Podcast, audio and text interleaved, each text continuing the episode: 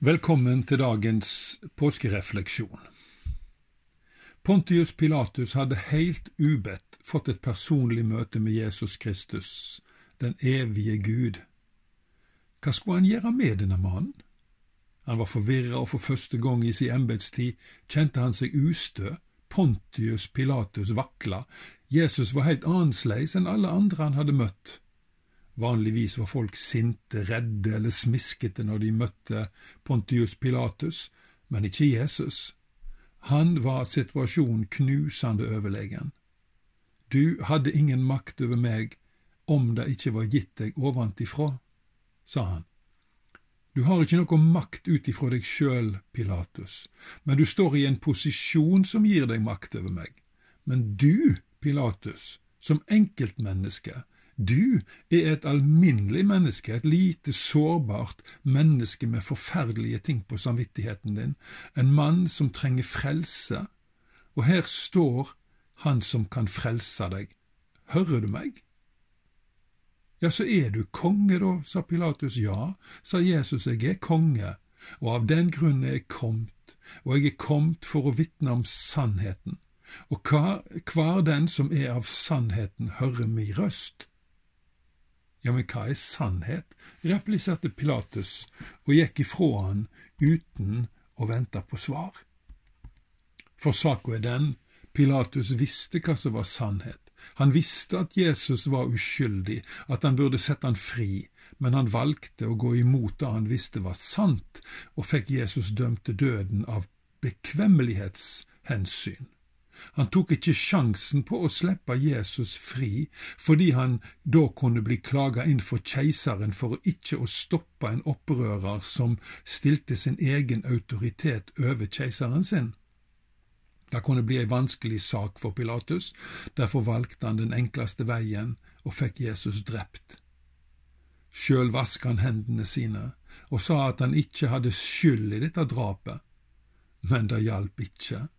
For all ettertid har navnet hans vært nevnt i den kristne kjerka hver søndag da vi framseier truvekjenninga pint under Pontius Pilatus. Ingen kan kvitte seg med skyld ved å vaske hendene. Det er bare én måte som fungerer, og det er å innrømme skylda for Gud, vende seg bort fra løgn og vondskap og tru på Jesus Kristus som frelser og Herre. Jesus er universets store konge og Gud, han har all makt i himmel og på jord. Da er den store sannheten. Den forkynte Jesus, og den forkynner vi, og alle ærlige og redelige mennesker gleder seg over dette og priser kong Jesus dagen lang, og de elsker å lytte til han og gjøre det han ber de om. Slik lever sanne kristne, og det er disse som er borgere av Guds rike. Vi skal be i sammen, og i dag så skal vi konsentrere oss litt om Den sentralafrikanske republikk. Der bor det 4,8 millioner mennesker. 76% av de er kristne, og da er det litt sånn i hermetegn 32,2% evangeliske. Landet er svært, svært fattig. Det er prega av opprør, kupp og motkupp og borgerkrig. Og landet er økonomisk utarma, lov og orden har forvitra, hundretusenvis av mennesker er på intern flukt. De kristne er prega av det vi kan kalle for navnekristendom, Trua deres er i stor grad svært overfladisk, og det blander seg inn svært mye animisme i den kristne trua, det som vi kaller for synkretisme. De kristne er splitta opp i mange leirer, de har vanskelig for oss å stå sammen, og de har mange ledere uten spesielt djup kristen karakter. Og I tillegg så oppstår det ofte konflikter mellom misjonærer og innfødde kristne. Himmelske Far, vi ber i dag i Jesu Kristi navn for Den sentralafrikanske republikk. Vi ber for kjerka di. Vi ber om at du, Jesus, skal få makt i kristne menneskes liv, at de skal vende om til deg av heila sitt hjerte, bekjenne sine synder og oppleve tilgivelsens og gjenfødelsens store under i sine liv, komme en genuin og dyptgripende vekkelse til den sentralafrikanske republikk. Dessuten så ber vi, Herre, om fred mellom folkegrupper.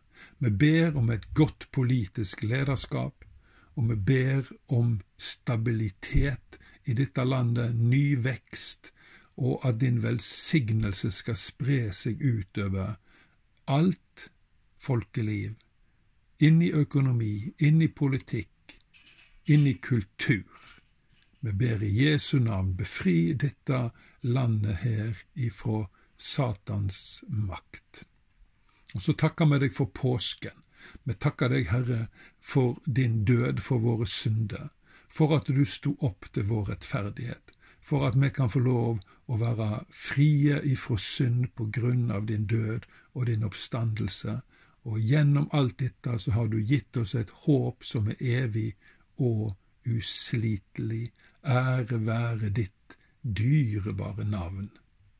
Fader vår, du som er i himmelen. Lat navnet ditt helgas, lat riket ditt komme, lat viljen din råde på jorda så som i himmelen. Gi oss i dag vårt daglige brød, og forlat oss vår skyld som vi òg forlet våre skyldmenn. Og før oss ikke ut i freisting, men frels oss fra det vonde, for riket er ditt og makta og æra i all eva. Må Herren velsigne deg og bevare deg må han la sitt ansikt lyse over deg og være deg nådig. Må han løfte sitt åsyn på deg og gi deg fred. Amen. Tusen takk for at du lytta til Guds ord, og jeg vil ønske deg en fin onsdags ettermiddag og kveld, og fremleis god påske.